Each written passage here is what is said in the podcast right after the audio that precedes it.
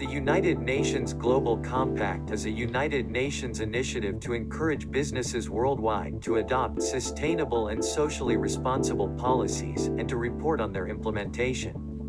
The UN Global Compact is a principle based framework for businesses, stating 10 principles in the areas of human rights, labor, the environment, and anti corruption. Vi har kommet til episode nummer 20 av Bærekraftseventyr med Jørgensen og Pedersen, Sveinung. Så dette er jo vårt eh, første lille jubileum.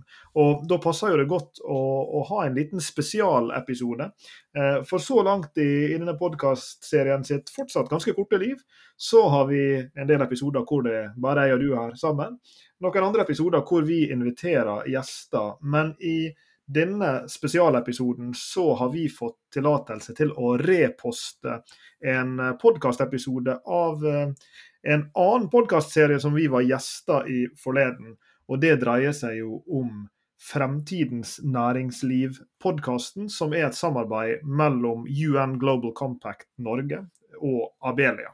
Og Der hadde vi en samtale Sveinung, med de to podkastvertene i den serien. Øystein Søreide, som er administrerende direktør i Abelia, og Kim Gabrielli, som er direktør i UN Global Compact Norge. Og Det er den samtalen vi skal eh, snart sette over til eh, fra vårt lille bærekraftseventyrstudio. Episoden het 'Fødselshjelp til nye forretningsmodeller'. Med undertittelen som, eh, som, de brukte i, i sin podkastserie, så brukte de 'Problemer kan brukes til å rigge forretningsmodeller for fremtiden'. Og dette, eh, dette klinger jo som musikk i våre ører, Lars Jakob. Det gjør det absolutt. Og det var jo uh, moro for oss å, å kunne nær sagt kaste ansvaret, det virkelig tunge ansvaret som det er å være vertskap for vår egen podkastserie, og, og få lov å gjeste noen andre som er opptatt av det samme som oss. Og, og det er klart at Både Abelia og, og, og UN Global Compact har jo jobba med og jobba for bærekraftig business uh, lenge. Og, og, vi har jo truffet disse aktørene i, i, ulike sammenhenger før. Og vi har jo det til felles at, at, vi tror at uh, for å lykkes med bærekraftig business, så er forretningsmodellen sentral. Altså at forretningsmodellinnovasjon må stå sentralt på veien mot bærekraftig business. Og, og vi fikk jo lov til å snakke en god del om, om det og, og mye annet i denne episoden. Absolutt. Eh, og vi må jo bruke anledningen til å fremsnakke denne podkastserien, altså FN Fremtidens næringsliv, eh, med disse vertene. Eh, og det er jo en ære å få lov til å være med inn i, deres podkast. Og hvis en tar en kikk da på alle de episodene som ligger der, så kan vi jo absolutt anbefale folk til å bruke litt tid på å, å lytte på de episodene som, som, allerede ligger ute. Og så gleder vi oss til å få lov til å hva er det du kaller reposte, er det det det kalles på utenlandsk, eh, denne, denne podkastepisoden her på Bærekraftseventyr. Absolutt. Og så benytter vi også anledninga til å peke inn i framtiden, for vi har jo allerede avtalt med, med, Kim Gabrielli, som da er direktør i UN Global Compact Norge, at han skal komme og, og besøke oss her i Bærekraftseventyr, så det gleder vi oss allerede til. Men uten uh, videre omstendigheter så setter vi over da til denne spesialepisoden av Fremtidens næringsliv. og da på en helt annen måte enn det vi er vant til her i denne serien, så er det altså vi som er gjestene, og Kim og Øystein som er vertskap.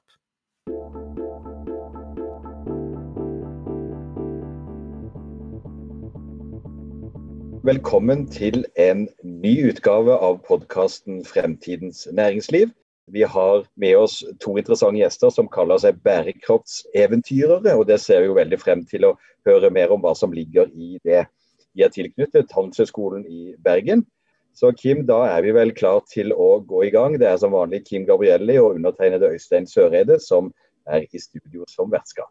Det er jo ikke hver dag vi har nestorer på bærekraftige samfunnsmodeller og businessmodeller i studio. Eh, vi, eh, vi ser selvfølgelig fram til dette. Dette er jo også dagen da hvor vi har eh, Eriksen, Jørgensen, Pedersen og jeg må vel tilstå at jeg var født Johannessen. Så her er det Dette lover godt. Eh, vi har fire sender i studio. og med det så, så kan vi vel egentlig gå i gang, Øystein. Vi, vi pleier jo å spørre gjestene våre om eh, hva er det som driver dere. Og ja, da skal vi begynne med Jørgensen, da, siden det kommer først i, i alfabetet. Eh, hva er det som driver deg, Sveinung? Å hjelpes meg. Det, det, var nok født oppi den derre Vi leste jo Asterix og Obelix da vi var små. Jeg lurer litt på den der tønna innimellom, men jeg var innom der en tur. Så det, det drivet går jo på alt mulig rart. Men akkurat drivet når det gjelder jobben her og, og bærekraft, det stikker jo rimelig dypt. Helt fra en sånn type ungdomskarriere hvor jeg jobba på Tyrili med rusmisbrukere, og så tok jeg en økonomiutdanning. Og så prøvde jeg etter hvert å forene de to, på en måte den sosiale dimensjonen i, i rus og, og, og, den dimensjonen med økonomi, som jeg er veldig veldig glad i. Eh, traff Lars Jakob etter at jeg var ferdig på NHO, og så begynte vi å jobbe sammen da for 15-16 sånn år siden. og Forska sammen, skrevet bøker sammen, eh, driver som gründere sammen og, og leder nå senteret Center for Sustainable Business på, på NHH i, i, Bergen sammen. Så, så, vi har et sånt eh, et driv og et engasjement og en lyst til å forstå, og, og kanskje også en lyst til å forandre. Jeg vet ikke, Lars Jakob, om du har lyst til å utdype litt? Resten er søt musikk. Ja, så det er jo Vi, vi, vi, fant, altså, vi, vi fant hverandre i en, en felles Eh, både altså, engasjement og passion for, for, bedriftsøkonomi, samtidig som vi var litt sånn eh, etter en, en økonomigrad så var vi litt sånn opptatt av disse lommene i økonomifag, eh, hvor, hvor bærekraften skulle passe inn. da, og, og når vi gikk ut ganske tidlig på 2000-tallet fra NHH, så, så, var ikke det sånn som i dag. altså Alle NHH-studenter som går ut i dag, har, har, jo en god porsjon bærekraftig business i bagasjen, men sånn var det jo ikke den gangen. Og, og det som virkelig har drevet oss i de ja, vel 16 år, 17 åra vi har jobba sammen nå, det er jo eh, nettopp det å, utforske det feltet. Hva er bærekraftig business for noe? Hvordan kan vi få det til i praksis? Og, Derfor så jobber vi også som dere var inne på, veldig tett med de bedriftene som forsøker å få det til, både de små og de store. Eh, for vi tror veldig på komboen av eh, Kall det den, den akademisk-vitenskapelige tilnærminga og, og alt det spennende som skjer av innovasjonsarbeid ute i praksisfeltet, som vi får lov å være en del av. Kim, vi pleier å fleipe med at uh, denne podkasten vår er uh, nerdenes arena. Uh, og det er jo en fare for at vi begynner med dypdykket og går rett inn i de vanskelige begrepene og tar for gitt at alle våre lyttere er like opptatt av alle ordene som vi er. Og Det er jo bra, det, og jeg tror de fleste ville følt seg hjemme allikevel. Men, men la oss nå allikevel da begynne litt med definisjonen og det overordnede. Altså bærekraft, sustainability hva er det? Jeg regner med at dere har vært nødt til å lage dere en definisjon i, i de rollene dere har. Det er jo lett å, å, se litt bakover i tid og stå på noen skuldre. Da. Så det å prøve at folk skal ha det bra i dag, uten at det går utover hvordan folk skal ha det i morgen, den, den ligger jo i bånn. Og så er vi jo bedriftsøkonomer og ser jo i, i, vårt perspektiv så ser vi det fra bedriftens side. Da. Så Vi går ikke inn i politikken i så stor grad, men reguleringene er der. ikke sant? Eh, vi er opptatt av hele verdikjeden og de ansatte og, og miljøet og, og, vår felles økonomi. Og bærekraft her det griper jo, griper jo inn i alt, sånn som dere vet også. Eh, og det som i vår definisjon av bærekraft da, og bærekraftige forretningsmodeller, det å kunne drive business da, på en måte som, som, som, ikke har så stort fotavtrykk negativt, og som kan skape et, et stort positivt fotavtrykk.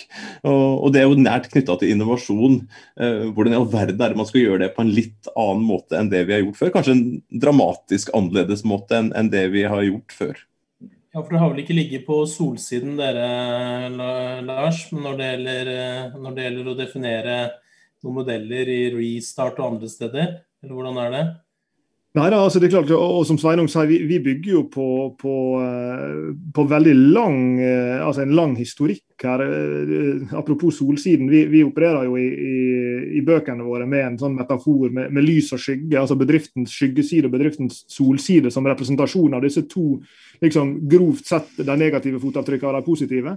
Uh, og, og, Det strekker seg jo tilbake til en bok av, av to forskere på 60-tallet som snakker om det her, liksom, the, the shadow side of business. Så det, Dette er jo noe som har vært diskutert i, i veldig lang tid, men så har det nettopp vært diskutert kanskje uheldig litt nettopp på den måten at ja, business det er noe som nesten sånn nødvendigvis har store negative fotavtrykk. og Så blir det et spørsmål om skal vi skal vi regulere det vekk, skal vi straffe, skal vi i det hele tatt.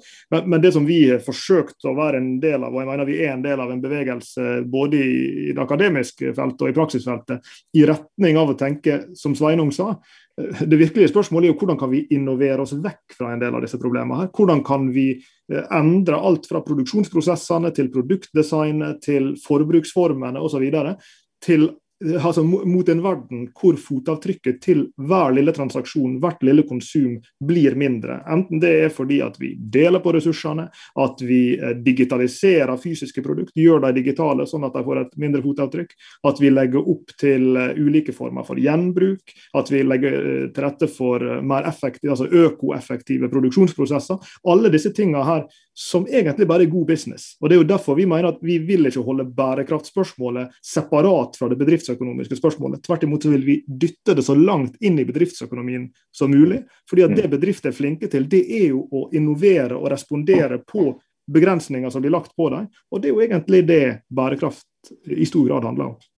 Men det er jo sånn da at da hører vi dere ha en og det vil vi også forvente, siden dere er eh, akademikere og fagpersoner. Dere har en veldig oppdatert og kall det gjerne fremoverskuende definisjon og forståelse av hva bærekraft og, og bærekraftig forretning er for noe. Men det er jo ikke så veldig lenge siden. Det må det vel lov å si at man drev med det du kan kalle grønnvasking, eller at det gjerne var kommunikasjons- informasjonsavdelingen som også hadde kanskje en bærekraftsansvarlig. Dere beskriver jo nå en, en eh, ambisjon om at bærekraft og ambisjonen om bærekraft må gjennomsyre forretningen og forretningsmodellene. Sveinung, si litt mer om, om det. Er, er det. er, det. dere som fortsatt ligger noen, noen, år foran i tenkningen, eller begynner vi å se eh, at det er den forståelsen som nå etter hvert legges til grunn? Jeg tror nesten det siste. Uh, om det er bra nok det, Vi vet jo at det fremdeles foregår grønnvasking eller bærekraftsmålvasking. Kan, det, er mange sånne ting som foregår. Og, og, vi har nok vært litt i forkant, for at vi har vært på en måte inn i det og, og jobbet med kanskje noe av de bedre selskapene. De som har på en måte tatt, tatt uh, fanen og sagt ok, vi er en del av problemet, men la oss nå bidra til å løse det. Uh, og i de årene vi har jobba, sånn som du sier, Øystein, så begynte det jo nede i sånne mørke kjellere med en stakkars kommunikasjonsansvarlig som hadde fått ansvar for, for, eh, CSR eller samfunnsansvaret til denne virksomheten. Um, og, og, hvis de skulle prate med vedkommende, så satt det jo gjerne en jurist ved siden av og passa på hvert bidige ord. ikke sant? Altså, Hurra, jeg fikk ansvar for ansvaret i bedriften. Og mm. ansvaret er fremdeles viktig, altså, for det er et ansvarsforhold knytta til disse, særlig disse negative sidevirkningene. Men så har vi jo sett etter hvert da, og fått mer og mer eksempler i næringslivet på at, at det å, å, å, forene bærekraft, da, det å ha et mindre fotavtrykk og, og, bidra til å løse problemer, at det også kan gjøres på en, en, lønnsom måte. Men så er det mange som stiller oss spørsmål fremdeles liksom, ja, hvor er oppskriften til dette her? da? Men hver enkelt bedrift, gitt den de er, gitt de produktene de har, gitt den verdikjeden de har, gitt hvilke samarbeidspartnere de har. Alle sammen må på en måte gå inn i den kjernen og så se ok, hva er det vi kan gjøre på en litt annerledes måte. Hvordan kan vi redusere denne skyggesiden? Og hvordan er det vi kan finne og identifisere problemer der ute. Og, og Lars Jakob, du kan, du kan spe på litt der. for der, Det å identifisere disse problemene og bli problemløsere, når det er de vi ser som noen av, av børsvinnerne, både i Norge og internasjonalt, de går foran og, og viser vei ved at her er det noen store miljømessige eller sosiale økonomiske problemer, og vi kan bidra til å løse dem. Og når du ser at det også er en motor for, for økonomisk vekst i selskapet, så det er jo i ferd med å skje noe der. Men at alle er om bord det, det, toget, det, det, vil jeg ikke påstå. Men ikke et interessant symptom er at altså i positiv forstand symptom, er, vi starta det, det, første kullet på, på executive-programmet Sustainable Business Strategy på NHH for et par uker siden. Det er første gangen vi har kjørt et, et executive-program hos oss på det temaet. Og, og, der har vi en sånn opp, opp mot 25 deltakere som jeg synes er et godt bilde på det her. For der sitter det investorer i private equity-fond. Eh, der sitter det folk fra konsernledelsen i store entreprenørvirksomheter i Norge, altså i, bygg og anlegg. Eh, der sitter det folk som, som har titler av typen executive vice president i store finansinstitusjoner. Eh, og så sitter det i tillegg forretningsutviklere fra varehandel osv. Så, videre. så Så det er folk som jobber med forretningsutvikling, med investering, med risikostyring. altså Det er folk som jobber med det du tenker på som de kall det klassiske, store bedriftsøkonomiske problemstillingene. Og det er der bærekrafts Eh, kompetansen nå fylles på, og det er jo veldig, veldig oppløftende. Ja, det er, eh, altså, det er flere måter å se dette på. Om vi ser på det sånn som dere sier nå, fra bedriftens ståsted, eller fra, eh, fra samfunnets ståsted, eller den myndighetssida, eller til og med fra forbrukeren, fra finansaktøren.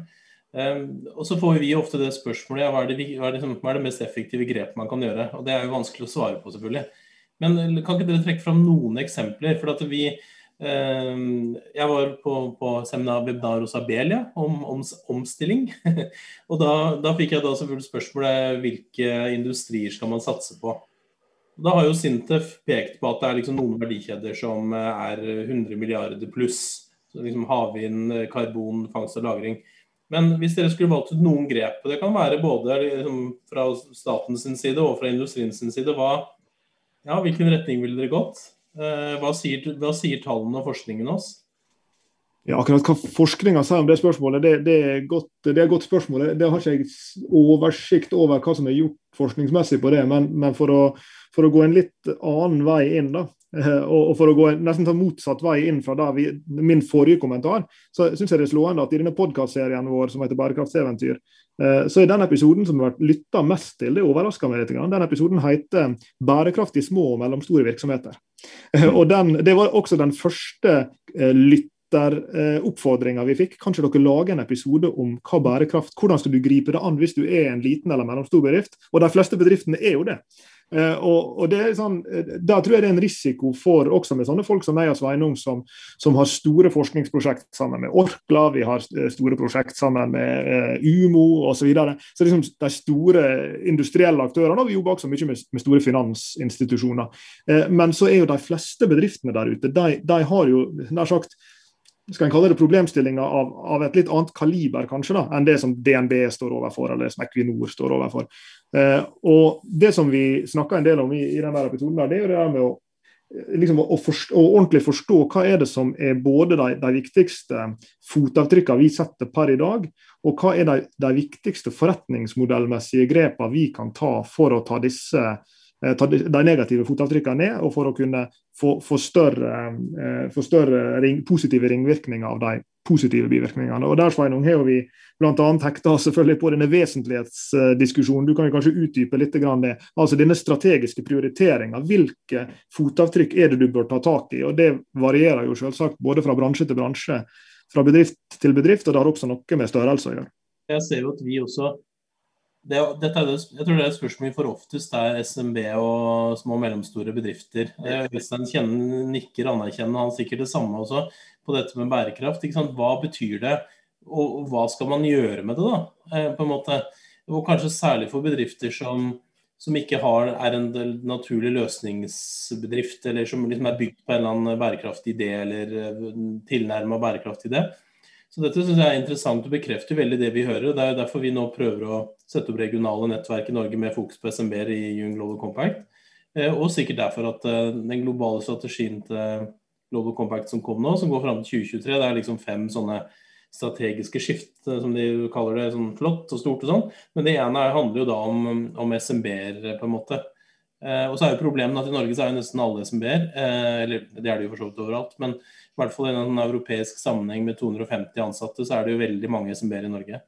Vi begynner jo, vi begynner jo ofte en diskusjon at, å si at det kommer litt an på. da. Det kommer an på hva slags type virksomhet det er, hvor stor eller liten den er, hva som er da fotavtrykket. Um, og, og, hva er det kunder er opptatt av, ansatte er opptatt av, hvor er det lovgivning er på vei for din spesifikke industri, om du er stor eller liten. Uh, og vi, vi, kjører en sånn innovasjonsprosess både på utdanningsprogrammer og i, i, forskningsprogrammene våre, og også sammen med bedrifter i ulike sammenhenger. og Vi begynner med en sånn erkjennelsesfase. Litt sånn legge seg på, legge seg på benken og, og roe ned skuldrene. Altså få senke skuldrene litt og en liten, liten sånn nakkemassasje. Og så, og så få litt, lov til å komme, komme fram i trygge rammer og si at ja, vi, vi er er faktisk en del av problemet på en del ting. Også. Vi eh, er i varehandel og driver med fast fashion. Eller vi driver med kjapp mat. Eller, eller uh, innafor um, butikkene våre så, så, går det fryktelig mye Det er mye svinn på, på, på maten som vi selger. Og, og, og, en del av de tingene vi selger, går direkte utover helsa til kundene våre. Altså, okay, bare, men, men dette, Og så sier vi ja, dette er vi en del av alle sammen. Det er, det er, det er dere vi kjøper alle duppedittene våre av, det er dere vi flyr med, det er, det er dere vi, vi, vi lever lever jo sammen med dere. Eh, og Det er jo et utgangspunkt, ikke sant? en erkjennelsesfase både på liksom hva du er og skaper av problemer, eh, men og hvilke muligheter som ligger der. Og Så spurte Øystein i stad disse forretningsmodellene. Altså, så, går vi inn der og så spør vi ja, hva er det dere driver med. da? Hva er det dere selger til hvem? Hjelper dere folk å leve et mer bærekraftig liv eller ei? Hva er det dere har av ressurser, og hva er det dere gjør aktiviteter? Hvem er det dere samarbeider med? Hvordan er det dere tjener penger i dag? Og, og tjener dere nok penger i dag? Veien framover, hvordan er teknologien rundt dere? Hva er det kunder begynner å, å, å forvente? Hvor, hvor, hvor, går reguleringene rundt dere? Og greit, det skjer noe greier nede i EU, og du er en liten bedrift i Norge, men du er kanskje underleverandør til en større bedrift i Norge. Ok, Hvordan vil det påvirke deg etter hvert? Og, og så er det den der oppsidemuligheten. Liksom. Ok, du er en liten bedrift i Norge, liksom Petter Smart, ingeniører i Norge da f.eks. Ja, hvilke problemer er det andre bedrifter i Norge har som dere kan løse? Dere kan liksom banke på døra og si vet du hva, jeg ser at dere har eh, et stort CO2-utslipp, eller at kunden er misfornøyd med det, eller at dere, dere skal da drive og levere eh, hjem til folk med enkeltbiler, med noen dieselbiler som, som, som fly rundt i tide og utide og levere en og en pakke. Ok, ja, Vi kan tilby dere noe annet. Altså sånn, og da, da, begynner du å se på erkjennelse, så gå ut og utforske noen nye muligheter. Og Så går vi over i en testfase for å teste hva som er mulig, og så prøver vi å rigge oss for en ny framtid. Det, dette her er jo helt individuelt. Er du et energiselskap, eller er du i retail, eller hvor enn du er, så må du på en måte gå ned og finne ut ja, hva er det som er vesentlig material, som det heter på utenlandsk, for oss. Eh, og, og hvordan er det vi kan ta tak i det og bygge en business rundt det som kan fungere bedre enn den gjør i dag. Det er liksom vårt utgangspunkt. Da. Jeg hadde tenkt å be dere som er eksperter på forretningsmodeller, og også ta lytterne med i ja, hva er en forretningsmodell. De fleste har jo, eh, bruker det begrepet, men nå syns jeg du Sveinung, ga en veldig god beskrivelse av hva er, hva er det. Mm. Og enkelt sagt så kan man kanskje si at det er hvordan bedriften er organisert og rigget for å møte noen behov ute i et marked, og hvordan gjøre det på en effektiv og lønnsom og gjerne da også bærekraftig måte. Men blir det ikke fort sånn at vi da begynner med å problematisere og spørre ja, hva er det denne bedriften gjør galt? Og Det er klart det kontrollspørsmålet er naturlig og riktig kommer tidlig, antagelig. Men vi opplever vel også at her er det jo et enormt mulighetsrom. I hvert fall ser vi det hos våre medlemmer i Abelia, som er kunnskaps- og teknologibedrifter, som jo gjerne vil kalle seg problemløserne. Og det, det, er også problemløsere blant de små og mellomstore bedrifter, bare de klarer å zoome inn på en del av den store problemstillingen. Så jeg lurer på om dere har noen kanskje sånn konkrete eksempler på interessante bedrifter dere kjenner som faktisk også gjør en kall det gjerne bærekraftsdrevet omstilling, endrer forretningsmodellen og dermed også får nye muligheter, gjerne større markedspotensial enn de har, eh, de har hatt. Det, eh, det, skal, det, skal, vi svare på. Jeg skal faktisk Sveinung få svare på. Jeg skal, bare, jeg skal motivere det med et, med et, indirekte svar. fordi at I det som dere, dere, to diskuterte nå, så ligger det noe som er veldig veldig viktig. Og som knytter an til det her med, med at uh, at godt bærekraftsarbeid det starter i forretningsmodellen, om du vil. Altså Det starter knytta til ja, hva er det du leverer til hvem, og hvordan leverer du det, og, og hva er de relevante fotavtrykkene knytta til det. Og Det samme er den andre sida av mynten, altså de, de positive eh, effektene av det. Hva er det som kan være de positive ringvirkningene av, av det som du løser for noen. Og, og, Bare for å gjøre det veldig konkret, så to, Jeg og Sveinung får, får, jo lov til å treffe veldig mange bedrifter i løpet av et år i ulike roller. Eh, og her For noen uker siden så traff vi et, en av de store supermarkedskjedene i landet og, og, og snakka med hundrevis av kjøpmenn eh, som de hadde i et digitalt rom. Ja, hva, hva, er det de lurer på med hensyn til bærekraft? Jo, De lurer på hvordan de skal slutte å kaste så fryktelig mange brød. For de steiker opp brød som blir kasta på kvelden eller eh, blir til dyremat. eller hva det nå blir. Eh, hvordan kan vi planlegge det bedre? For vi har lyst til å kutte matsvinn. Det er et veldig sånn, det er et forretningsmodellnært spørsmål for en kjøpmann i en stor butikk, i en liten butikk, i den største liksom, eh, supermarkedet på, i Oslo, eller, eller, hvor enn du er i landet. Og På samme måten så var Sveinung inne på i stad med Vi jobber med et selskap som er i bemanningsbransjen. Ja, hva er det som er det virkelig store, interessante sosiale fotavtrykket de har, bl.a.? Jo, det er det at gjennom sin bemannings- og rekrutteringspraksis så kan de hjelpe underrepresenterte minoriteter å komme inn i jobber hos arbeidsgivere som kanskje ellers ikke ville valgt akkurat den arbeidsgiveren. Og da, ok, Det største fotavtrykket da antageligvis for dette bemanningsbyrået er ikke energieffektiviteten i bygget der, eller hva det nå måtte være, men, men, det knytter seg til disse typene sosiale utfall. Og nettopp derfor, når vi har jobba med bransje etter bransje, jeg husker når vi jobba med oljeservicenæringa på Sørlandet, så, så, begynner vi ofte med hva er det som er liksom de konkrete bedriftsøkonomisk relevante spørsmålene i din forretningsmodell som du sliter med, og hvordan, altså hva er det som allerede er på gang her som du kan hekte på bærekraftsarbeidet ditt på. Fordi at det der med å få det, og Da er vi litt tilbake Kim, på, på de små og mellomstore bedriftene her med å, å, å få, få det i gang med noe som de har energi på, momentum på, og som de anser som viktige for sin businesspraksis i det daglige. Og mens jeg sa det der, så har sikkert Sveinung kommet på noen gode eksempel. på og det spørsmålet du, egentlig stilte. Jo, man svarte også på enkeltbedrifter. og der er, du, du svarer jo veldig klokt, Lars Jakob, med mer inn i bransje og, og, no, noen bedrifter. Men vi skal plukke ett selskap da, som vi har fått lov til å jobbe med over et par-tre år. Fra en liten sånn, det nå har vel vært en 120-150 millioner på, på, på børsen. Og, og, og, guttungen kom strålende fornøyd ned her, for han fikk noen aksjer i, i konfirmasjonen for et år siden. Og fortalte meg hvor mye dette selskapet var, var verdt nå. Og, og det, det, er jo en av vekstrakettene um, som nå heter Wow, men som het da Scanship, og som, som leverte uh, norske ingeniører uh, med flere som leverer renseteknologi til cruiseskip i hele verden. Og Det er kanskje ikke verdens mest sånn Vi er i cruiseskipindustrien. Det er ikke, kanskje ikke den største stoltheten der i utgangspunktet, men det er de. Og de leverer gode tjenester. Og de, de påstår da at de, de, det er renere vann som kommer ut av disse skipene, enn det som går inn i dem. Altså sånn, så, så, det, så, så de, de, leverer den type tjenester. Men da det ble kjøpt opp av et uh, type private equity-fond, en, en, liten tredjedel av selskapet ble kjøpt opp da for et par-tre år siden, så ble vi invitert inn til å være med og diskutere dette. her, og Det skrev vi om den, den nyeste restartboka en engelske så er det et eget kapittel på dette. her, på, og Det var en tidlig fase. Og, og, og, Da begynte de allerede å lukte. ok, Hva er det vi kan, hva er det vi har? og Vi er problemløsere for disse cruiseskipene. Hvordan kan vi ta med oss det inn i andre bransjer? Så begynte de å teste i akvakultur på litt sånne lukka merder. Ta ut slammet, tørke det, selge det som organisk gjødsel i Vietnam. Det, ok, De driver litt med sånne ting, men det er liksom ikke den store greia. Men de, de drev med noe sånn pyrolyse, behandla organisk materiale, varma det opp med lite, lite oksygen, så får du noe biokull og noen sånne type ting. Og så tenkte de ok, er det mulig å ta det på land? Vi er jo nå på skipene. Eh, og de testa på land. Eh, og så kjøpte de opp franske Etia, som driver med dette her i litt større skala. Og så har det ene bygd på det andre, tatt det tredje, tatt det fjerde. Og så ser du nå da ut av dette her wow, altså valorization of waste, da, som, som selskapet heter. Eh, altså Det er en, en, måte, en forkortelse på den, de, de tre bokstavene.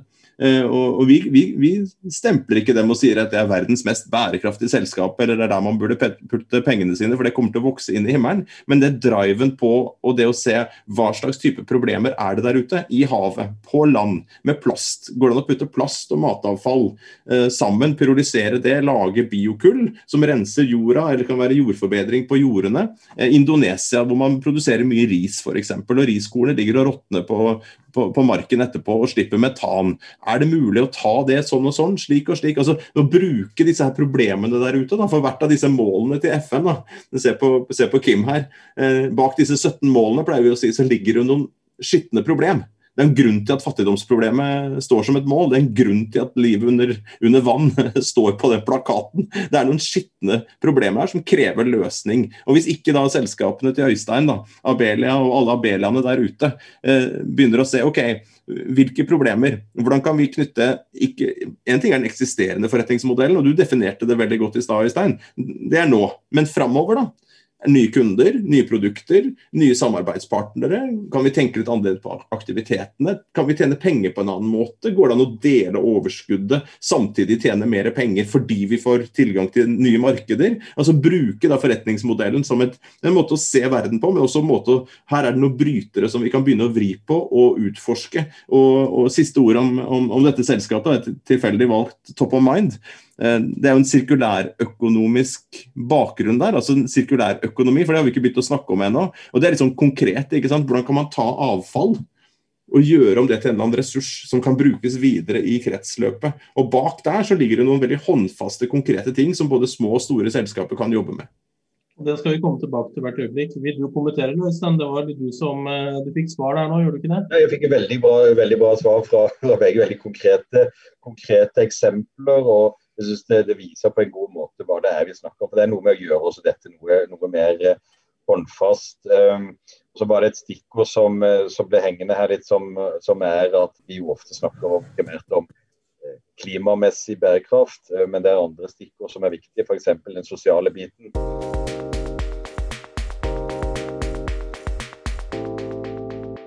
Ja, jeg har bare lyst til å kommentere litt, så kan jeg sende tilbake igjen. Når det kom sånn lissepasning til vårt uh, klisjémessige budskap om uh, bærekraftsmålene som vår tids største businessplan, som dere var inne på her, altså det er jo liksom litt av det budskapet som vi har. Det er blitt beskyldt for å være for optimistisk, men det er noe godt at FN kan være det litt av og til.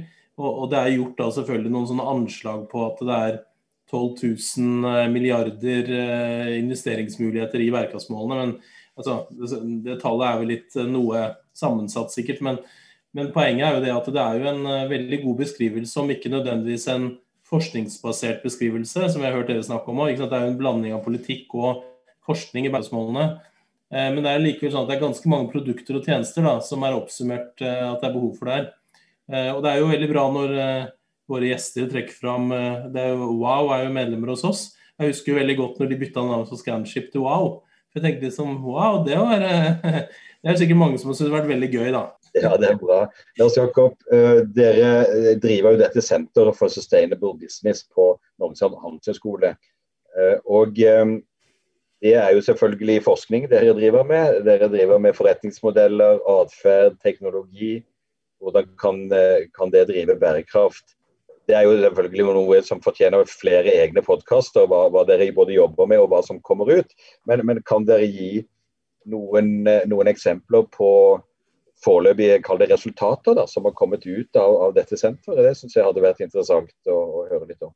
Mm, absolutt. Vi, du, du, sa jo de tre nøkkelordene der, for vi har jo en sånn tagline hvor vi sier at vi, vi studerer atferdene, forretningsmodellene og teknologien som kan eh, bringe oss nærmere bærekraftig business. Og, og De tingene henger selvfølgelig sammen. For, for, veldig ofte så vil en ny teknologi kreve nye typer atferd. For veldig ofte så, Når du får en ny teknologi, så trenger du å pakke en forretningsmodell rundt den. Så Det er jo i det landskapet der vi jobber. og På senteret så er det jo forretningsmodellfolk som oss, og der er marketingfolk som studerer kundeatferd, og der er finansfolk som studerer investeringer så, så regnskapsfolk som ser på rapportering. Så vi, vi dekker jo et, et, stort område. Og Det som jeg tror skiller oss fra en del eh, forskningsmiljø i handelshøyskoleuniverset, det er jo at, at, vi jobber så veldig tett med, med, næringslivet. Vi fortalte jo allerede at vi jobber med Orkla. Vi har jo vært veldig tett på Orkla sin eh, sin eh, innovasjonsprosess knytta til disse nye påfyllsmodellene for, for såpe og andre produkter som de nå driver og tester i markedet as we speak. Eh, vi, vi, har jo også forskningsprosjekt sammen med et lite tech-selskap. for vi, vi, som jeg sa i sted, vi jobber mye med store aktører, men vi prøver også å jobbe med, jobbe med startups for å, for å, kunne være med på disse litt mer sånn det, nye innovative reisene. Så Vi jobber jo tett med et selskap som heter Waste IQ, som er deleid av renovasjonsselskapet BIR i Bergen. Og, og Det de gjør, er å digitalisere alle avfallsstrømmer, eller ressursstrømmer, bør vi vel kalle det som. Eh, for nå som det ikke finnes avfall lenger, eh, for å kunne lykkes med en sånn sirkulær økonomi. Og Et veldig konkret forskningsprosjekt vi har gående der nå, som er i pilotfasen, det er jo på et kjøpesenter kjøpesenter Bergen, i Bergen som, som uh, en skal forsøke da, å, å, lukke loopen, som det heter på sirkulærspråk. Altså ikke få restavfall ut av senteret i det hele tatt i en prosjektperiode. Klarer vi å sortere ut alle ressursstrømmer fra håravfallet inne på Cutters-salongen til kaffegruten hos Espresso House til ja, du forstår?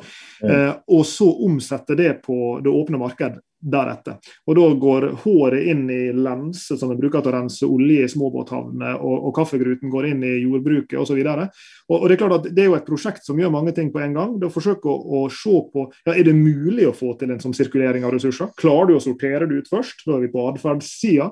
Klarer du å omsette det i et marked, om enn for en kanskje billig penge, da, eh, slik at det kan komme til anvendelse? Og, og lykkes du med å, å, fange opp disse dataene da, som WasteIQ er opptatt av, slik at vi kan vite Dette kan jo du skalere opp til et samfunn. Hvor er alle ressurser hen til enhver tid? Det trenger vi å vite hvis vi skal kunne lykkes med og gjør den ene manns avfall til den andre manns uh, innsatsfaktor, da, som sirkulærøkonomien handler om. Så Det er jo et, et fryktelig hårete og ambisiøst prosjekt, men som det er veldig veldig moro å jobbe med. Fordi det er så konkret, og alle kan relatere seg til det. Alle blir entusiastiske når vi kommer og snakker om disse renovasjonsutfordringene. Det er jo et veldig konkret eksempel på at også forskerne da får bokstavelig talt skitt på fingrene. ikke sant? Dere går, går, rett inn i de helt operative, konkrete problemstillingene på et, på et kjøpesenter. Det er veldig, veldig fascinerende. Og I forlengelse av det, Øystein, så har vi hatt da vi, har, vi, jobber jo Vi tar så mange masterstudenter som vi kan, eh, som, som, veiledere.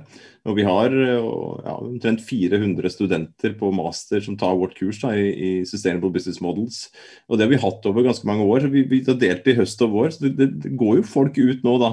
Eh, bærekraftseventyrere ut av NHH, flere enn oss, som går ut og stiller en del spørsmål. Eh, og vi får mye tilbakemeldinger. det En del av det senteret også gjør, er jo å fòre ut da, folk som går ut der og ikke har alle svarene, men som går ut og utfordrer og blir med på mange mange spennende reiser. og Her før jul så fikk vi plutselig en henvendelse fra, fra Vilde Nakkim Jeg tør å si det høyt. Hun, hun jobber i, i Farmforce, norsk selskap som, som, leverer en app for bønder, særlig i Afrika og omegn, eh, for å digitalisere deres eh, eh, drift og få tak i agronom og få lån osv. Og, så videre, og, så og så hadde de lyst til å kikke på dette her i en norsk, europeisk kontekst. så Vi er med på en stor sånn EU Horizon 2020-søknad sammen med dem, og sammen med norske Kessler.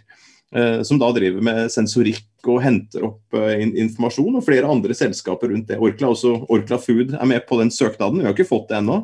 Men det litt, da, da, går vi over på et litt sånn meta. Da skal vi virkelig følge frukt og grønnsaker i, på, på, de små uh, bøndene i, i, Europa. Det er omtrent halvparten altså er innafor der. Som skal få de samme mulighetene, digitaliserte mulighetene. Følge varene helt til markedet. Men også det å kunne redusere svinn i hele produksjonen fra produsent til, til ganen, men også da se på emballasjen og hvordan den kan gå tilbake igjen. Og da kunne eh, ha sensorikk og tracke alt dette her, sånn at du kan ta ut et parti med, med blåbær hadde jeg sagt, et eller annet sted i den kjeden i logistikken hvor det er på vei til å bli råttent. Sånn at før det blir råttent, kan tas ut og bli til dyrefôr. Så, så, så, så, det er også et sånt prosjekt vi håper på å, å, å, komme gjennom.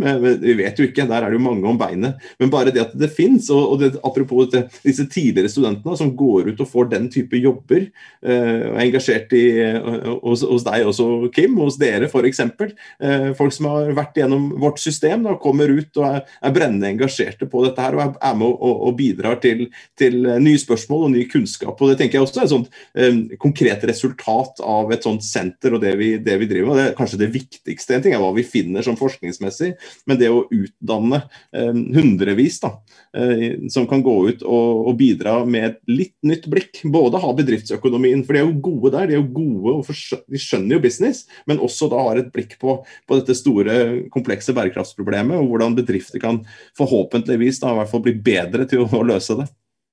Altså det er helt riktig som du sier. Vi har jo hva er det vi har nå, seks eh, NHH-studenter som enten er i nest siste eller siste året, men som da også jobber eh, hos eh, hva blir det, KLP, Storbrann og Cermaq samtidig som de jobber hos oss.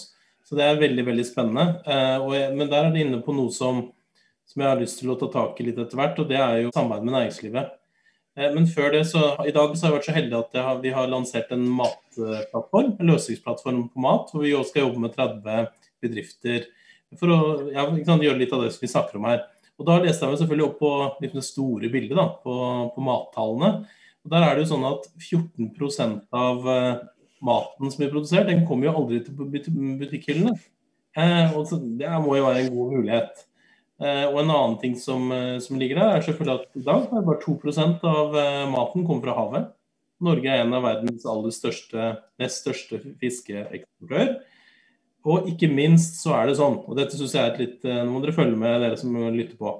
Eh, hvis vi hadde brukt det norske matavfallet og sett om vi liksom brukt det der ute, så kunne vi gitt mat til 785 000 personer, ifølge Matprat. Selv om vi nå kaster en tredjedel i Norge og det er noe høyere i andre land, så, så er det fortsatt et stort potensial der.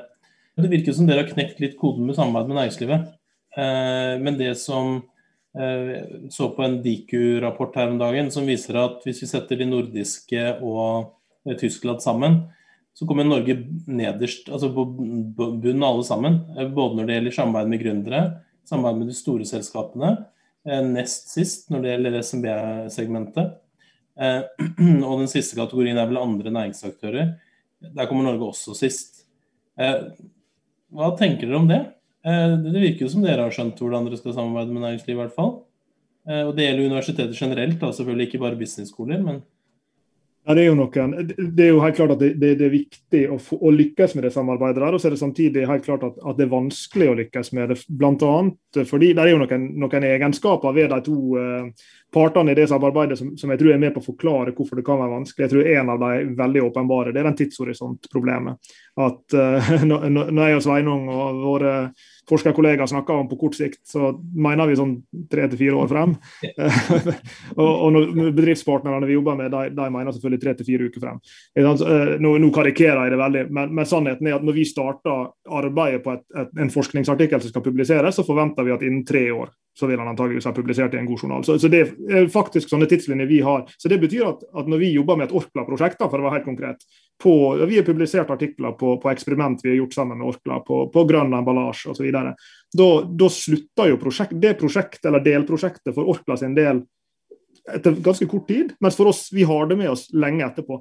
Og det som jeg tror En av tingene vi har lykkes med, er jo å klare å både forstå og, og i en viss forstand forene eller løse den der tids, tidsproblematikken der. Da. At vi jobber med disse bedriftene på deres relativt sett kortere tidslinjer og prosjekt som og kan være med på å levere ting som de trenger innenfor den tidshorisonten, mens vi samtidig kan planlegge for vår lengre tidshorisont på bakgrunn av det samme prosjektet. Men, men, det er jo bare én litt sånn teknisk side. Eh, og så er det jo den andre sida ved det som er krevende. det er jo, altså Du må, tror jeg, for å kunne som forsker gå inn og bidra ordentlig med bedrift, så må du forstå, og du må, du må også bry deg litt om og, ønske å forstå eh, hva, hva det er denne bedriften gjør, hva de, hva de, ønsker å få til. Du må forstå den bedriftsøkonomiske logikken som de, de har, et, i alle fall et stykke på vei. Da. Og Det krever jo en sånn eh, Vi kaller det for dating, for vi dater mange bedrifter til enhver tid. Vi er liksom, eh, Til enhver tid snakker vi med mange ulike bedrifter som har lyst til å samarbeide med oss, og så er det bare en håndfull av dem vi ender opp med å samarbeide med. Og Det er jo dels liksom, treffe på interessene, det er dels å treffe på relevante prosjekt der og da, men dels er det jo også, tror jeg, litt den, den teften fra begge sin side. da, eh, For å forstå at jo, her er det rom for å, å finne noen vinn-vinn utfall, da, sånn som vi har fått til med Orkla, sånn som vi tidligere har fått til med, med Skandiabanken i et tidligere prosjekt. Det er liksom noen sånne bedrifter hvor du bare merker at her, her får vi det til. Her er det en reell vinn-vinn eh, i, i, å samarbeide. Og, det å, å, vite når det der er tilfellet Det minner meg om han her, det var en gammel fotballspiller jeg husker ikke hvem er i farta, som ble spurt om hvordan han skåra det der fine, fine frisparket. Og så sa han 'I just hit the ball'. Og, og, og litt sånn, jeg bare smeller til. Og litt sånn er jo det her også. Vi, vi, vi, går ut og prater med folk, og så av og til så syns vi at det er et eller annet ved, ved kjemien, det er et eller annet ved, ved liksom situasjonen som bare gjør at dette tror vi på. Eh, nå setter vi opp et prosjekt sammen, og så søker vi om noen penger, og så henter vi inn noen data, og så løper vi med det.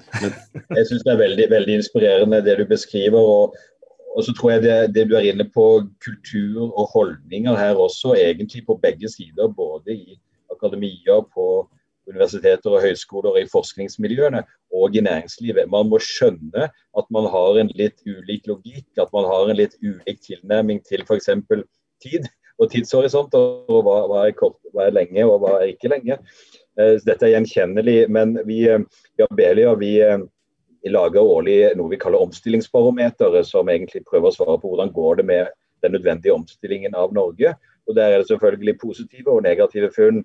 Men akkurat det vi er innom nå, nemlig at vi ikke er helt gode nok på å samarbeide, faktisk både internt i næringslivet, eh, men også mellom næringsliv og akademia, de er et av hovedfunnene våre i, i dette barometeret. Så, så, her tror jeg det er eh, viktig tematikk hvor hvor alle må, må egentlig eh, tenke at OK, kanskje lykkes i, i lengden eh, bedre sammen. Ja, Forresten ikke bare i lengden, men på kort sikt òg. Det, det, begynner å haste med omstillingen av Norge. Det begynner å haste med å finne nye næringer, nye forretningsmodeller. Så her, eh, her trenger vi rett og slett å jobbe sammen. Vi er, vi, er få her i landet, som, mm. som noen sa. Men universiteter og, universiteter og høyskoler er jo rare greier. ikke sant? Du begynte jo i dag du også, Øystein, når du begynte å stille, så ok, la oss få noen begreper på plass. nå, og Hva er en sånn modell er? Og, og Vi jobber jo ofte sånn abstrakt. Vi, vi, hopper fra bransje til bransje, så prøver vi å forstå alle. Vi, vi prøver å finne en T-skjorte som passer alle sammen. ikke sant? One size fits all. Uh, men men så, så, må vi ned i det konkrete. Og det snakker vi også om i stad. Hva er det som er vesentlig for den enkelte? ikke sant? Så bygger vi da på studier av amerikanske kollegaer som har sett på 20 år, gjort sånne regresjonsanalyser for å se liksom hva slags type investeringer i bærekraft i ulike bransjer, og hva er det som har lønnet seg. Altså bare, Oi, de som produserer klær og klarer å redusere vannforbruket i, i land der hvor vann er dyrt, oi, ja, de tjener jammen penger på dette her. Altså Så har man sett tilbake på det, da står vi jo litt på det. ikke sant? Og så står vi på begrepene, og så lærer vi bort begrepene. Og så ønsker vi å lære både unga våre og studentene og, og næringslivet liksom det nyeste og hva er det som rører seg. Eh, eh, og vi ønsker et abstrakt konseptuelle som ligger på toppen av alt. ikke sant? Og så ønsker vi å være der nede. Og det er, liksom, eh, og det er jo der vi er. da, og den, Du sa tid, å forstå dem, Lars Jakob. Og så var jo du inne på det, Øystein, og det er å og, og, at de forstår oss også. Og nå ganske tidlig i den datingprosessen liksom, så sier vi vi er nok ikke helt klar for, for, eh, for stasjonsvogn, to unger og, og, og, labrador med en gang. Um, dere må på en måte forstå ungkaren i oss. da, på en måte. Altså Ungkaren hos oss, en bortskjemt ungkar nå, han har en langtidshorisont. Vi er på jakt etter, etter de spørsmålene som som du ikke kan bare gå på biblioteket og finne eller google. Altså vi må på en måte, og, og, Det er vårt behov. og Så prøver vi å danse litt og se liksom, er det mulighet her til å, å Kanskje vi blir samboere, eller kanskje vi ender opp i en sånn tomannsbolig med hver vår leilighet, men at vi i hvert fall har en del ting sammen. Og så er det en del ting som vi prøver å spore opp. Og så har vi også etter hvert lært at ok, selv om vi driver med sånn litt nerdete spiss, sånn emballasje som har den og den logoen, vil ditt og vil datt, altså sånn, noe, noe den type problemstillinger som ikke er sånn åh, det var ikke noen spot on for bedrift, og de bare jubla. Hurra, nå fikk vi vite det. Men samtidig så er det så mye diskusjoner rundt. Um, og, og, de blir mer involvert i, i, i, i hva bærekraftig business, innovasjon og prosesser. Og vi har mange diskusjoner som pågår parallelt, og det lærer begge parter av. Og så har vi våre liksom, noen greier vi er bare nødt til å gjøre. Den litt sære hobbyen til han som du data. Liksom. Han, han, må få lov til å drive med den golfen sin, ellers så, ellers, ellers så ryker dette forholdet. Liksom. Det tar litt tid. Uh, og jeg, jeg, skjønner at det er ikke alltid like gøy å dra på ferie med, men, men, og, det, og det går litt gjensidig. Det går litt sånn begge veier. Da, at vi må på en måte ha respekt og forstå dem, og så må de også forstå våre litt sære behov som skal for å liksom på en måte dytte dette nerdete kunnskapsfeltet litt videre. Og, det, og det er ikke lett å få til, så jeg skjønner at det er vanskelig. Jeg skjønner, og det, det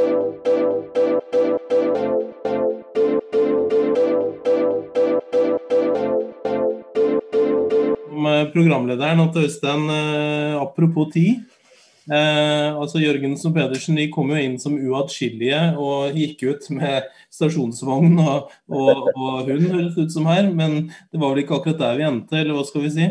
Vi skulle hatt en, en dobbeltepisode eller noe av, av podkasten, for her er det jo så mye vi både eh, har snakket om som vi skulle ha båret mer i, og vi skulle ha vært innom absolutt eh, mange flere tema.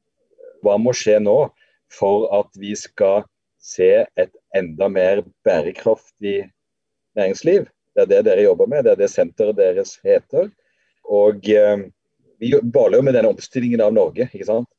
Hva er det viktigste som må skje eh, for at vårt næringsliv skal bli mer bærekraft, og dermed den velferdsstaten og det velferdssamfunnet som vi også jobber med å finansiere. Vi forventer jo at dere kan svare på dette på et minutt, selvfølgelig. et minutt der. altså det, det, som jeg i alle fall uh, tror uh, vi er på riktig vei med, da, vi har snakka om et par av tingene som blir litt oppsummerende.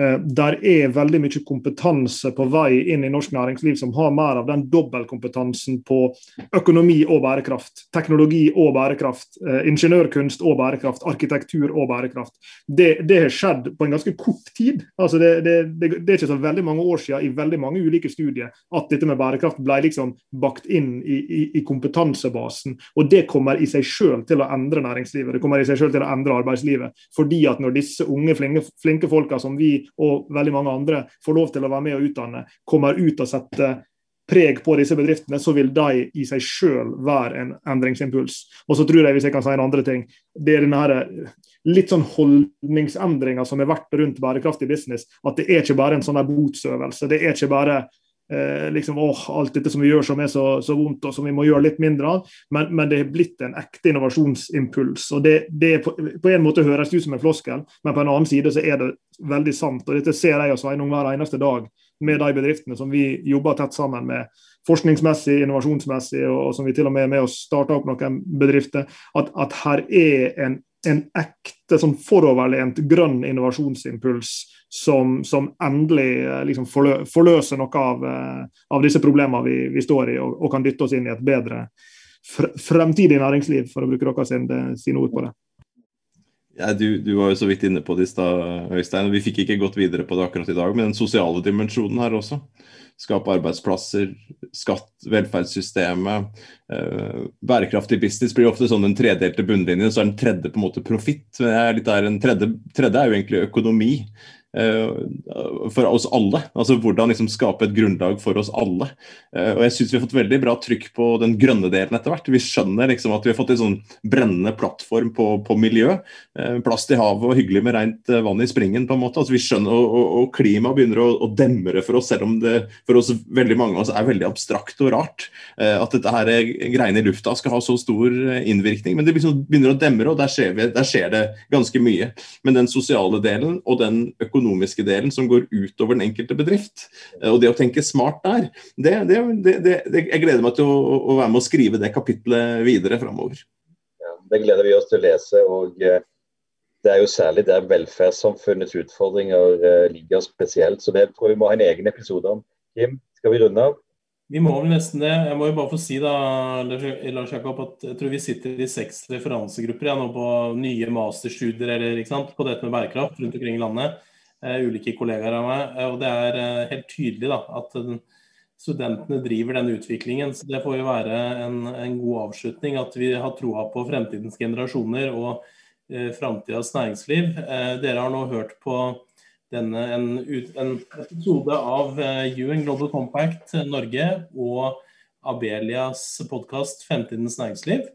Det er som vanlig Øystein Søreide, admindir i Abelia, og Kim Gabrieli, Eh, undertegnede, som er daglig leder i UN Global Compact, som har ledet dere gjennom samtalen.